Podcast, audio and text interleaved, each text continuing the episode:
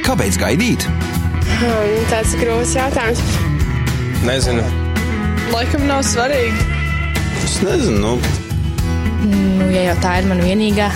Raidījums Kāpēc gaidīt?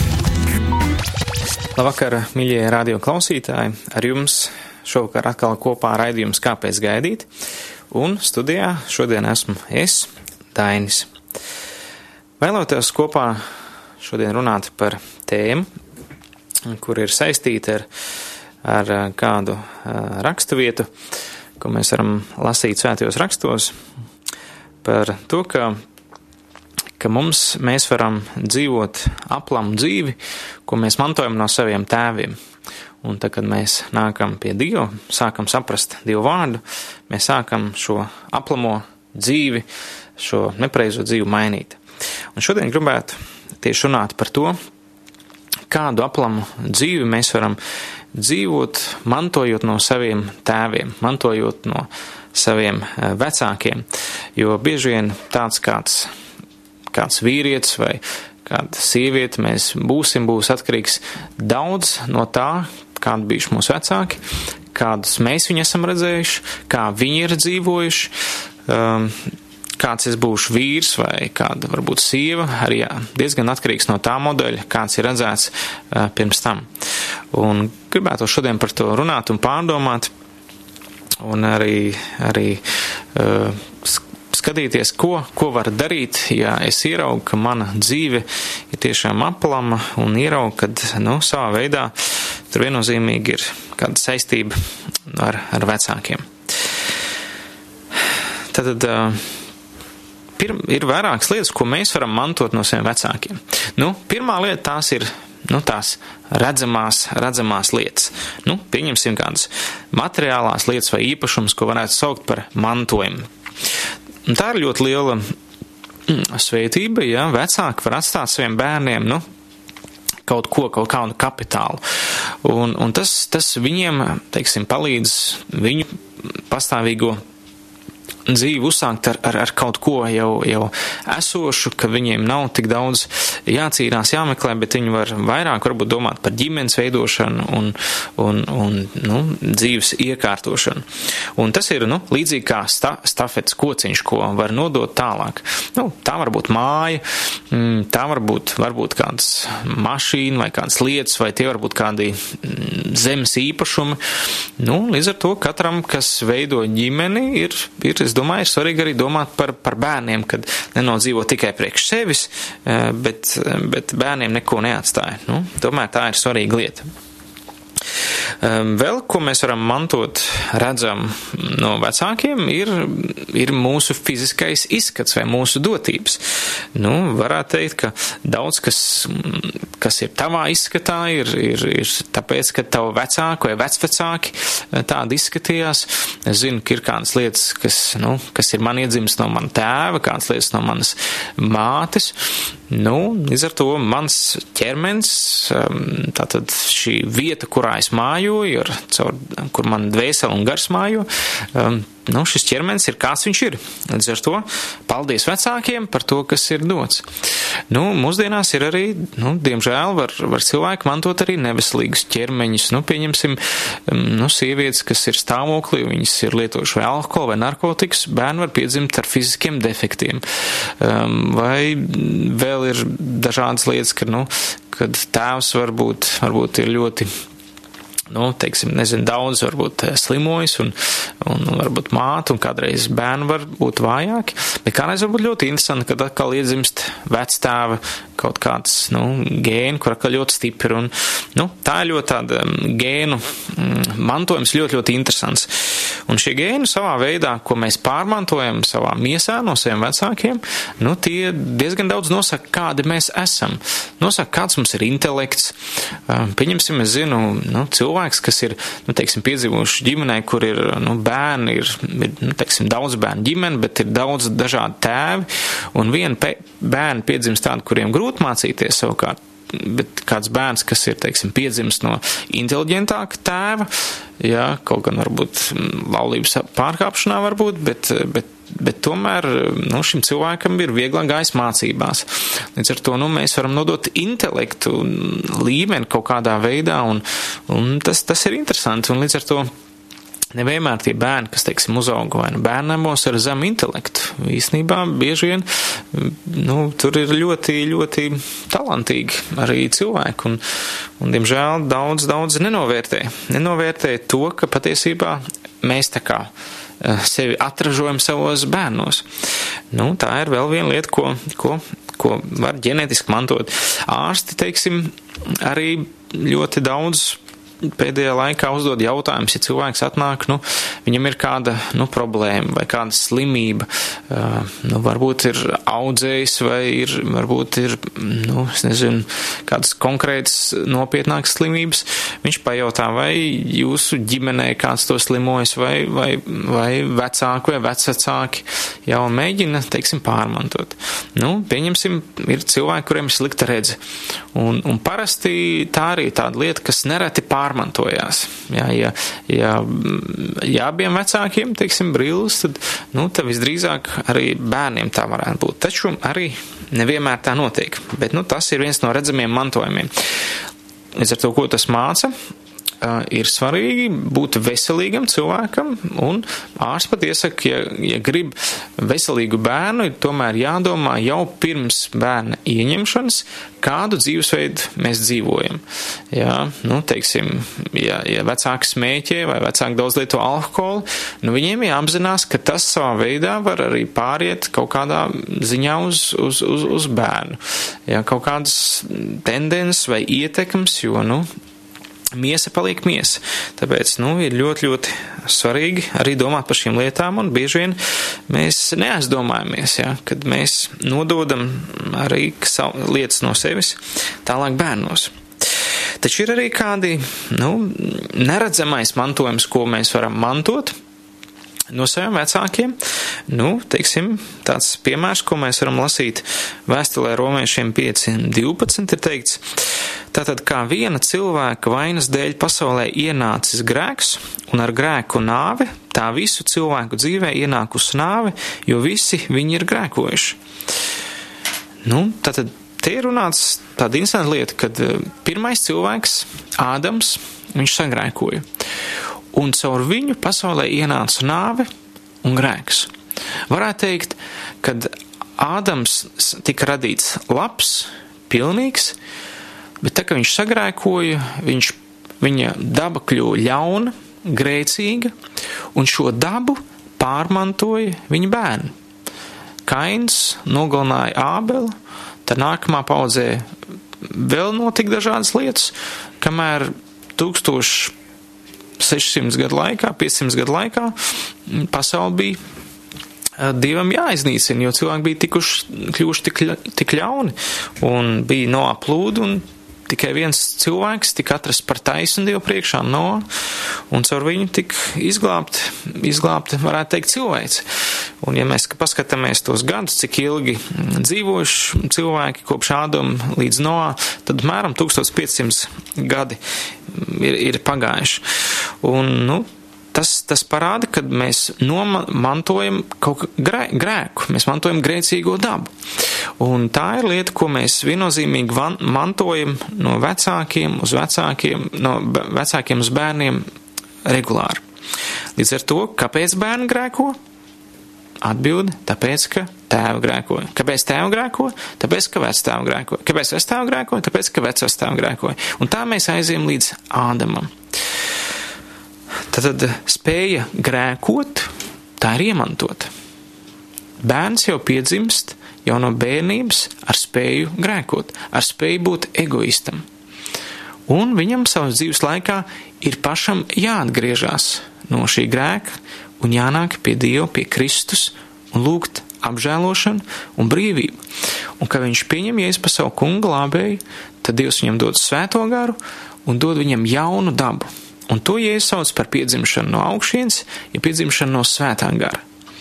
Līdz ar to katram cilvēkam, lai arī viņš ir piedzimis kristīgā ģimenē vai nekristīgā, jāiet caur šim procesam. Personīgi pašam jānāk pie Kristus un jāpiedzīvo šī jaunā daba. Taču tas palīdz viņam bet viņa bērni tik un tā piedzimst arī ar, ar lielāku dievsveitību, bet tomēr arī šī daba, nu, daba tiek eh, pārmantota, grēcīgā daba. Bet arī dievsveitība nāk līdz, tāpēc, ka vecāki bijuši ticīgi. Nu, tāpat Bībele arī mums atklāja interesants citādas lietas, ko neredzams, ko mēs varam mantot no saviem eh, vecākiem. Nu, pieņemsim otrā mūzu grāmata 20. nodaļa runā par divu baušļiem.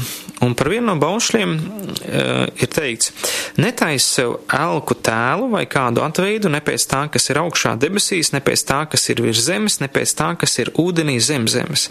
Nezemojies to priekšā un nekalpotiem, jo es tas kungs tavs dievs esmu dusmīgs dievs, kas tēvu grēkus pie bērniem piemeklē līdz trešam, ceturtam augumam tiem, kas man ienīst, un dar žēlstību līdz tūkstošiem augum tiem, kas man mīl un tur mans baušļus. Tātad ģimenē, kurā Dievu nemīl, tātad uh, parādās, ka var dēļ vecāku tēvu grēkiem tiek uh, piemeklēti bērni trijās četrās paudzēs. Tātad tiem, kas Dievu nemīl, ja, bet kas ienīst, ja, ir parādīts, ka tiek pārmantots, nu, varētu teikt pārmantots, bet nu, vec, bērni principā var ciest savu vecāku grēku dēļ. Nu, mēs varam to pastīties praktiski. Nu, pieņemsim, Uh, ir valsts, kurā, nu, teiksim, ir, ir, ir, ir pat tādi likumi, ja, ja vecāki, nu, pieņemsim, izdara kādu noziegumu, nu, pieņemsim, ir valstī parādā, jā, un, un tad tad, nu, savā veidā viņi, viņiem, teiksim, atņemt māju. Un līdz ar to atņem māju ne tikai vecākiem, bet automātiski arī viņu bērniem. Un līdz ar to bērni sāk dzīvot ar, ar nu, savu veidu nes, nesveitību savā dzīvē.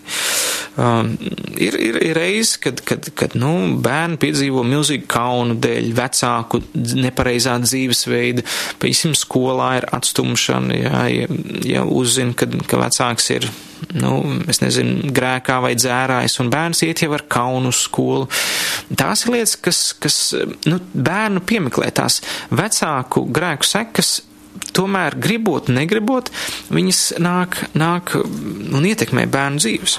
Līdz ar to jautājums, nu, kāds ģimenes tu, tu nāc, vai tu esi kādreiz piedzīvojis šo vecāku grēku sekas, Jā, un, un, un nu, diemžēl Bībele saka, ka visi esam grēkojuši, visi vecāki ir grēcinieki līdz kaut kādā veidā, kaut kādā sfērā, nu, mēs droši vien esam varbūt no tā cietuši. Un, un, un savukārt Bībele, protams, saka, ja tiem, kas Dievu mīl, un tur viņa vārdu, tam ir žēlstība līdz tūkstošiem augumam. Līdz ar to mēs varam iemantot no vecākiem arī brīnišķīgu svētību, pateicoties tam dzīvesveidam, kādu viņi ir dzīvojuši, kad ir, nu, tā var būt uh, svētība, nu, tajā pašā veselības ziņā, vai svētība intelektā, vai svētība, nezinu, finansāli, jā, tātad Dievs kaut kā svētī tos, kas viņam paklaus, kas viņu mīl. Un līdz ar to bērns, kas dzīvo patiesībā kristīgā ģimenē, ir nu, ļoti svētītā stāvoklī. Ja? Un tā ir, tā ir laba lieta. Un tur mēs varam pateikties Dievu, ja, ja tev ir ticīgi vecāki, Pasakies Dievam, jo tā ir milzīga svētība priekš tevis, jo daudz lietas varbūt savā dzīvē nepiedzīvot tikai tāpēc, ka viņi turējušies pie Dieva. Un, un, un vecāki ir kā tāds sarks, sarks, um, nu kā tāds, um, nu vecā, vecāki ir, ir viņiem dota autoritāte. Tad tā, tēva galva ir Kristus un, un, un vīrs ir, ir, ja tēvs ir sievas galva, ja mātes galva. Līdz ar to savā veidā tur tāda, uh, un, un tad, tad nāk bērni. Tad, tad vecāki ir kā tāds aizsargs, jeb, uh, nu, pret ļauno, pieņemsim, kā lietu sargs ir pret lietu, tā vecāki pret nesvētībām var būt priekš šiem bērniem. Bet, ja vecāku dzīve ir nesvēta, tas ir apmēram kā lietasargs, kurā ir izgriezti caurumi, caur kur šis lietas var tikt arī klāt bērniem. Un līdz ar to ir ticīgās ģimenes, kurās arī ir kādas sfēras nesakārtos, kur ir vecāki nepaklausa vai, vai, vai notiek kādas grēcīgas lietas, tur atkal, diemžēl, arī bērns ar to tiek ietekmēt. Līdz ar to nu, mēs redzam, ka tajās vietās vai tajās sfērās arī, kur netiek Dievs mīlēts un turēts viņa vārds, jā, nu, tur, diemžēl, arī ienāk nesvētība. Nu, ir, ir daudz arī cits rakstīts, kas to apstiprina. Pieņemsim raudu dziesmu 5.7. teikts, mūsu tēvi grēkojuši, viņu vairs nav, bet mēs nesam viņu noziegumus. Jā, mēs nesam viņu eh, šo noziegumu sekas. 3. mūzika 26, 39, 40 teikts, un jūsu pārpalicēji savu grēku dēļ izplēnēs savu ienaidnieku zemē, un arī savu tēvu grēku dēļ tiem kopīgi jāiznīkst. Tad viņi atzīs savus noziegumus, savu tēvu noziegumus, un tie atzīsies savā svētuma nonici, nonicināšanā, kad viņi pret mani lauza savu uzticību un dusmās turējās man pretī. Nu, varētu, varētu salīdzināt, teiksim, ar valsts. Nu, pieņemsim, ja valstī ir, mm, nu, bezdievīgi valdība, tad visa tauta cieš līdzi pēc tādiem lēmumiem, kādus pieņem valdība. Un, un līdz ar to, teiksim, Daniela grāmatā ir, ir Daniels lūdza Dievu priekšā par savu tautu, Dievs piedod, jā, mums kā tautā, es nāku kā šīs tautas pārstāvis, lūdzu piedod mums, jo es esmu ar viņiem sasaistīts, es nevaru būt atdalīts eh, individuāli, es kopā ar viņiem ciešu par to, ka mēs esam trimdā, un es lūdzos tev žēlistību, jā, esi žēlīgs, piedod mums, mūsu grēks.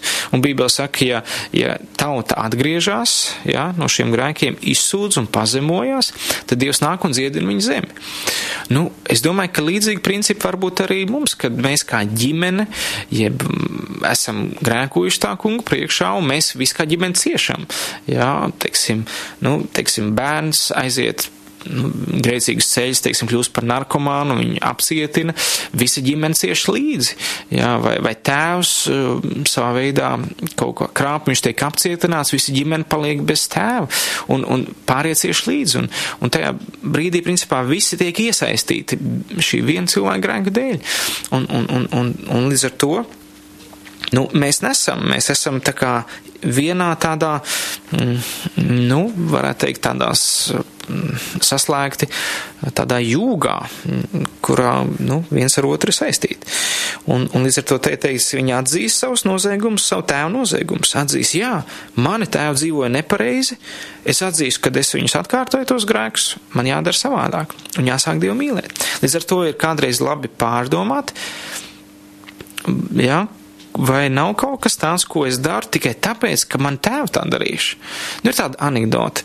Uh, viena, viena, nu, teiksim, mamma cep cepeti un nogriež cepetim vienu galu un otru galu un ieliek krāsnī.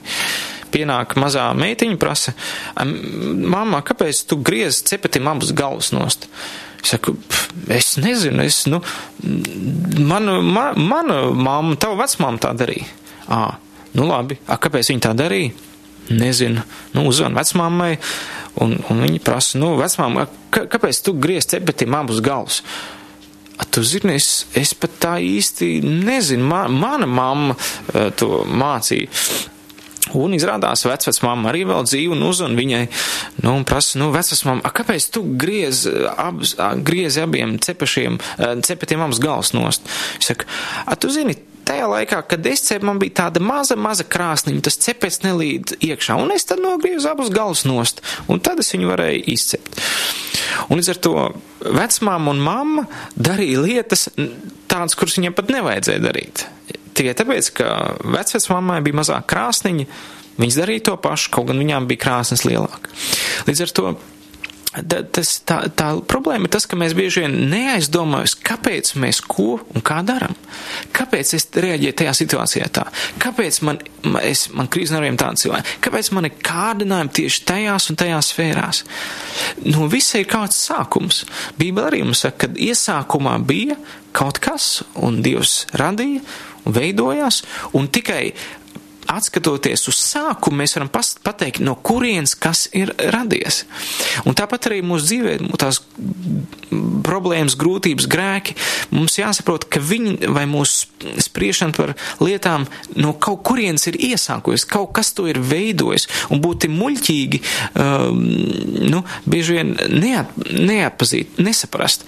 Un tad, saprotot, no kā tas veidojas, es varu izmainīt, es varu izmainīt uh, virzienu, es varu ieras saprast, ka Bībeles runā savādāk.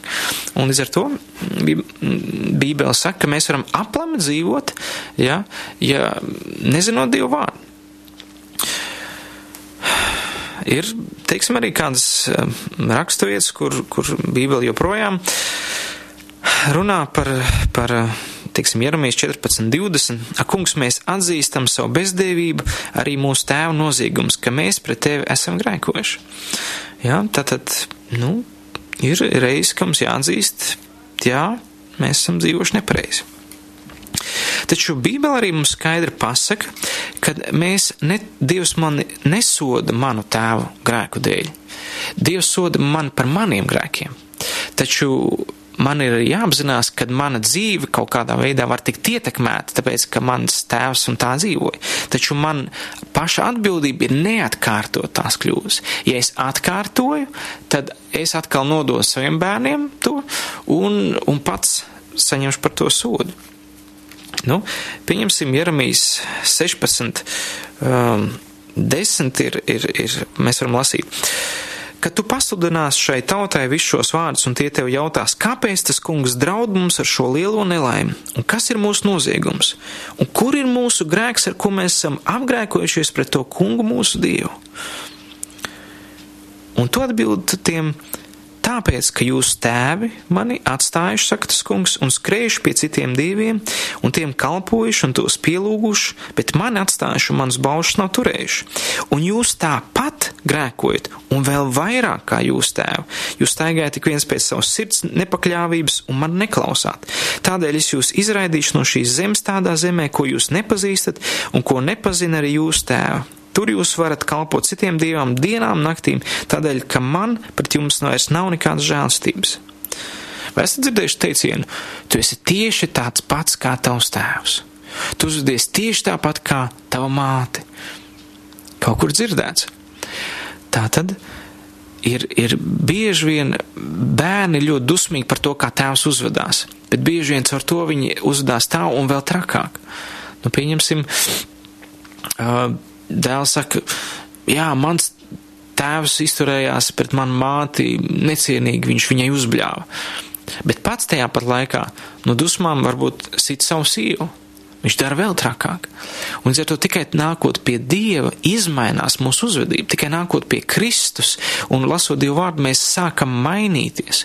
Dabīgi bez dieva tas viss pārmantojas un vairojās. Ļaunumam ir tendence vairoties, tāpat kā no sniega bumbā, jeb sniega pikai, kas sāk velties no, no kalna, viņa kļūst lielāka, lielāka, lielāka un lielāka. Tāpat arī ar grēku. Ja grēks netiek apturēts, viņam ir tendence vairoties, vairoties un vairoties.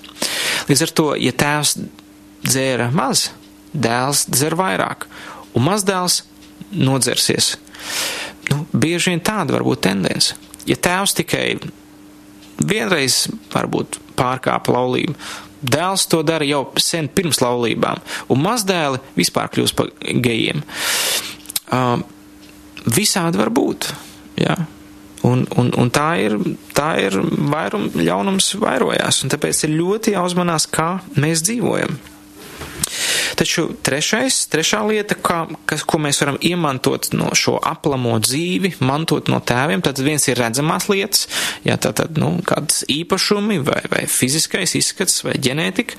Neredzamie tās ir garīgās lietas, jā, gar, kādas svētības vai, vai nesvētības vai grēka sekas. Taču ir arī trešā lieta, ir, ir mūsu piedzīvotais mantojums, ja mūsu pieredze, kas veido mūsu pasaules uzskatu. Pieredze, kā mēs esam redzējuši, kā tēvi dzīvojuši, kā viņi ir uzvedušies. Tas, ko, kas mūs ir veidojis, kas ir to, kas ir pareizs, kas nav pareizs, kas ir labs, kas nav labs.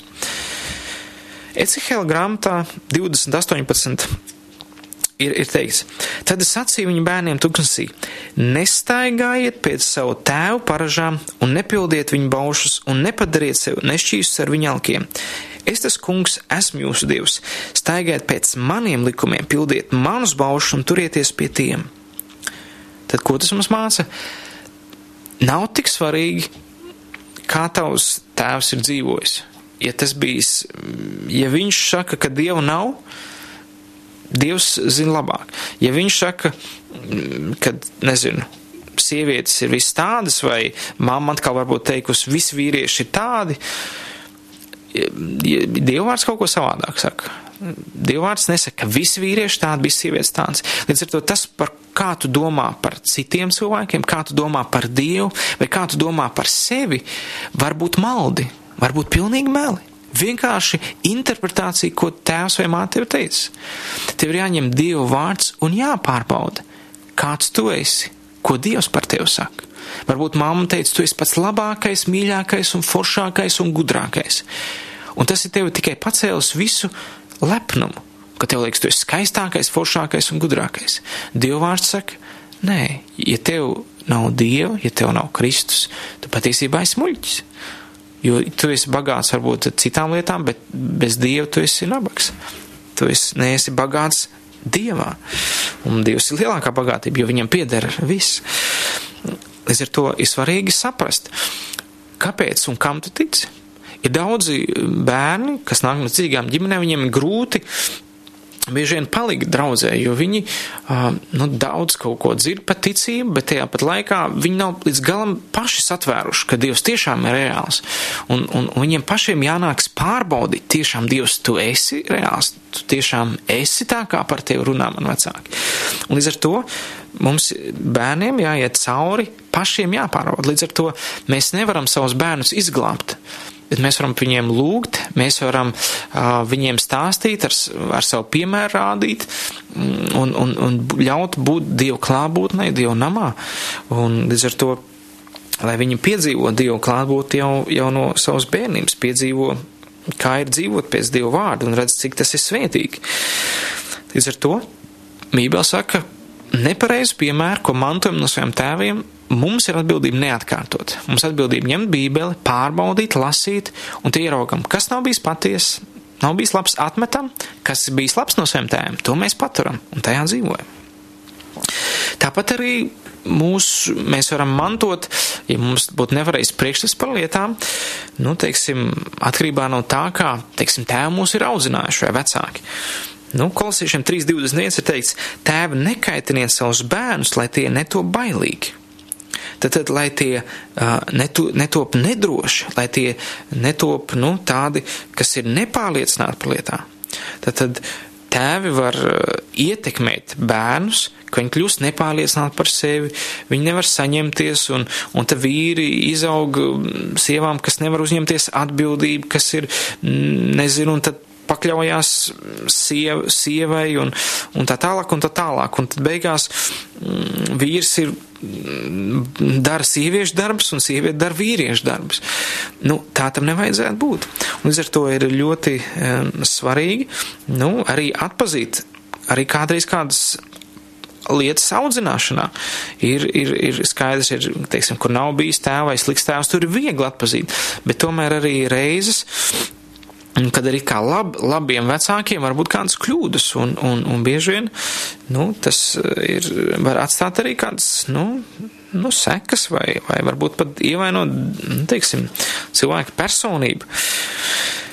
Un ļoti, ļoti svarīga lieta, kas var atstāt tādu nu, pozitīvu ietekmi tēvam uz, uz, uz dēliem vai meitām vai mātām, mā, mātēm, ir tā saucamā brāļu mīlestība. Teiksim, romiešiem 12.10 teikts, brāļu mīlestība jūs starpā, lai sirsnīga, centieties citu citu pārspēt savstarpējā cieņā. Un tad pastāv tāds, nu, tāds vārds kā brāļu mīlestība. Grieķu valodā šis vārds ir Filadelfija. Tātad, nu, ir tāda Amerikā pilsēta, tātad filio nozīmē šī mīlestība, un Delfi, Adelfi nozīmē brāļi, Adelfus. Ja, tad, tad um, tā ir brāļa mīlestība. Un, ša, un šai mīlestība te ir raksturīgas vairākas lietas, un um, tā ir mīlestība, kurā otrs cilvēks tiek celts. Nu, pieņemsim par šādu mīlestību varam lasīt 1. samuēla 18, 1 līdz 4, un ja tādas attiecības ir ar tēvu vai ar brāļiem, tas ir, tā ir ļoti, ļoti laba mīlestība, kas ietekmē mūs pozitīvi, kas mūs veido pareizā virzienā. Nu, teiksim, piemērs par Dāvidu un Jonatānu, kur viņiem bija savstarpējā šī, varētu teikt, brāļa mīlestība. Un, un tur teikts, ka Jonatāna sirds saistījās ar Dāvida sirdi, un tie viens otru iemīlēja. Tad ar šo uh, brāļu mīlestību. Un Jonatānam viņš bija tikpat kā viņa paša dzīvība. Un Sauls tanī pašī, pašā dienā ņēma Dāvidu pie sevis un neļāva tam atgriezties viņa tēva namā. Un Jonatāns noslēdz ar Dāvidu derību, tādēļ, ka tie viens otru mīlēja kā savu pašu sirdi. Un Jonatāns noņēma savu apmetni, kas viņam bija, viņš to deva Dāvidam, kā arī savus bruņus, savu zobenu, savu loku un savu jostu. Tātad šī brāļa mīlestība ir tāda, kurā tu esi gatavs otram atdot visu. Un, un tas ir ļoti svarīgi starp tēviem un dēliem. Tātad Jonatāns atdeva savu apmetni. Ja? Tātad viņš atdeva savu apmetni pēc tam, kad bija noslēdzis derību. Tātad derība ir vienošanās par savstarpējām attiecībām, kad tu atdod savu dzīvi par otru. Un tad, kad tēvs ir atdod, ir gatavs ieguldīt savā dēlā, viņš viņu ceļ, viņš viņam atdod to labo, ko ir iemācījies, ko ir sapratis. Un, un, un kas ir tās labās lietas, ko var atdot? Tātad pirmā lieta, ko Jonatāns atdeva Daudam, ir apmetnis. Apmetnis tajā laikā bija, nu, Jonatāns bija ķēniņa dēls, apmetnis bija kaut kas īpašs, un ja tu otram iedos savu apmetni, tu viņu augsti novērtē un augsti cieni. Tā ir augstākā novērtēšanas pazīme. Un līdz ar to tu tēvs parāda milzīgu cieņu savam dēlam, kad viņš viņam, nu, viņu atzīst, tu esi mans dēls. Kā teiksim, to darīja debes tēvs, kad Jēzus bija virs zemes, debes tēvs divas reizes teica, tu esi mans mīļais dēls. Ja? Viņš ir mans mīļais dēls, to klausiet. Tātad viņš publiski parādīja cieņu savam dēlam. Un, un tad, kad, tad, kad tēvi to dara, ka viņi publiski izrāda cieņu savam dēlam, tas ļoti dēlu ceļ, tas ļoti viņam dod veselīgo pašvērtējumu. Un viņš tā kā tajā brīdī dod savu apmetni, pasaka, šis ir mans, es viņam dodu savu statusu. Ja? Kādreiz savā laikā bija tāda tradīcija, ka tēvi savus gradzenus vai, vai no, nu, izveido tādu zīmogu gradzenu, kur ar saviem iniciāļiem vai šī dēla iniciāļiem vai dzimts iniciāļiem nodeva tālāk. Un tas bija kā tāds status, kad es tev nu, nododu ja, savu savu cieņu, tu mantos, tu nāksi manā vietā, ja tu, tu būsi šīs dzimtas turpinātājs un tā tālāk. Un tā ir tāda laba lieta, ko, mēs, ko tēvi var darīt ar saviem dēliem. Otrā lieta, ko, dā, ko Jonatāns deva, ir deva savu, savus bruņus, savu apģērbu. Ja? Nu, tas nozīmē, ka uh, viņš atdeva to, kas viņam bija. Un, ja, es nezinu, vai tu kādreiz esi uzvilcis otra cilvēka apģērbu. Nu, es nerunāju par humānām drēbēm, bet es runāju, nu, teiksim, savu, savu tēva vai savas mātes, nu, ja tu esi meita, protams, um, apģērba. Nu, teiksim, es kādreiz uzvilku savu tēvu, man liekas, um, jaku vai žaketu un bija tāda sajūta, ā, tagad es zinu, kā mans tēvs jūtās. Tas ir tik interesanti, ka viņš, nu, un tās sajūtas, kad, nu, ka tu iejūties viņa ādā savā veidā. Un līdz ar to tā otrā lieta, ko tēvs var dot dēlam, ir piedāvāt šo iejusties otrādā, uzticēt viņam lietas, palīdzēt saprast, izskatīt savu sirdi. Nu, teiksim, tēvs redz, ka dēls cīnās, nezinu, kādām lietām skolā, nu, nezinu, pieņemsim, viņam patīk meitene, meitene viņam neatbild, viņš var paņemt to dēlu un teikt, klausies, man arī bija līdzīgi tā vecumā skolā, man patika viena meitene, bet viņa nepievērs uzmanību, un tam man bija ļoti grūti un smagi. Bet tad, bet tad man palīdzēja mans tēvs, kas pie manis teica, klau, neskrien, uztic to Dievam, un Dievs sakārtos un parādīs, vai šī ir tā priekš tevis vai nē. Un, un, un viņš izstāsta, izskrat savu sirdi un liek parāda, kā, kā tēvs juties savā laikā un atdot tā kā savu daļu no apģērba viņam. Un līdz ar to dēls sajūt, ka tēvs ir gājis līdzīgiem pārdzīvojumiem, līdzīgām lietām cauri, izgājis līdzīgām cīņām cauri. Un tas viņam palīdz um, tuvoties tēvam un, un uzzināt, kā tā situācijā rīkoties. Un tā ir tāda brīnišķīga lieta, kas, kas raksto brāļu mīlestību. Ja? Ka tu pirmkārt izrādi milzīgu cieņu, Ja? Otrais, tu palīdzi saprast tam cilvēkam, tu izkrati savu sirdi, tu, tu, tu pieņem viņu tās, kāds viņš ir. Un, un, un, un trešā lieta, ko, ko Jonatans darīja, viņš atdeva deva savus ieročus, zobenu, savu loku, savu jostu. Līdz ar to viņš šim Dāvidam atdeva savus ieročus. Caur to viņš parādot, Klau, mans zobens ir tavs zobens. Ma, mans karš ir tavs karš, tavs karš ir mans karš. Ja tev kāds dar pāri, es tevi aizstāvēt. Es, es dodu tev militāru aizsardzību. Es iestāšos par tevi, es tevi atbalstu. Un tā ir trešā lieta, ko šī izrāda šī brāļa mīlestība ir aizstāvēt vienam otru. Un tik ļoti tas ir svarīgi, ka, tē, ka dēls jūt tēva aizstāvību, ka tēvs ir blakus, ka tēvs aizstāv, ka tēvs iestājas, tad, kad skolā kādu apsmē vai pa izskatu, vai par to, kas nav izdevies, vai pēc kādiem pārdzīvojumiem, vai arī meita izjūt šo tēvu atbalstu. Tas ir, tas ir tik ļoti svarīgi sajust, ka kāds ir kopā ar tevi un tevi aizstāv. Ir, ir, ir eh, tavs atbalsts. Par, ja arī tu esi kļūdījies, viņš tāpat tev neatstāja un aizstāv. Un tas ir tik svarīgi, un šī brāļa mīlestība, šī Filadelfija ir tik ļoti svarīga mūsdienu sabiedrībā, kur kur vajadzīgi, lai tēva ar dēliem kopā vai brāļi savā starpā, vai arī draudzē lai šī brāļa mīlestība. Un šo brāļa mīlestību, šos principus var ievērot arī māsas savā starpā, māsas ar meitām. Ja, šo cieņas izrādīšanu, šo pieņemšanu, šo mm, savu veidu aizstāvēšanu, tas ir ļoti, ļoti, ļoti svarīgi. Un līdz ar to var rasties arī nu, nepareizs priekšstats tomēr par Dievu, arī ja tās daudz šīs lietas nav. Nu, pieņemsim, bērni, kas piedzimst neticīgā ģimenē, viņiem diev, priekšstats par Dievu vispār nav. Nav nekāds. Un līdz ar to, to, ko viņi var mantot no saviem vecākiem, ir nepareizs attiecības ar Dievu, nepareiz izpratne par Dievu. Un, un, un tas ir ļoti, ļoti svarīgi apzināties, ka to visu var mainīt. Un Dievs vēlas mainīt tavu manu stāvokli. Un, un, un Malahijas grāmatā ir in, interesanti vārdi teikt. Kad redzes sūtīšu pie jums praviet ēlī, iekāms nāks tā kunga lielā un šausmu pilnā diena. Viņam būs jāpiegriež tēvs sirds bērniem un bērnu sirds saviem tēviem, lai man nebūtu jānāk un nebūtu jāapkrauj visa zeme ar savu lāsta smagumu. Tātad to, ko Dievs vēlas, lai tēvs sirds un bērns sirds atjauno šīs attiecības. Un bieži vien ir milzīga plaisa starp paudzēm. Ir viena vien piedzīvo ļoti strauju laikmetu, otra lēnāk, un, un tas ir tik, tik grūti kādreiz šīm paudzēm savā starpā sarunāties, bet, bet, tur, kur, bet, ja, bet tur, kur Dievs iestājas, tur, tur šīs attiecības sāk atjaunoties, un tāpēc ir ļoti svarīgi. Un līdz ar to, ko Dievs dara?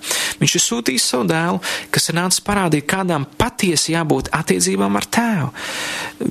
Jāņa 15.9 saka, kad um, Jēzus saka, dēls no sevis neko nevar darīt, ja viņš neredz to tēvu darām, jo ko tas dara, tā arī dēls dara tāpat.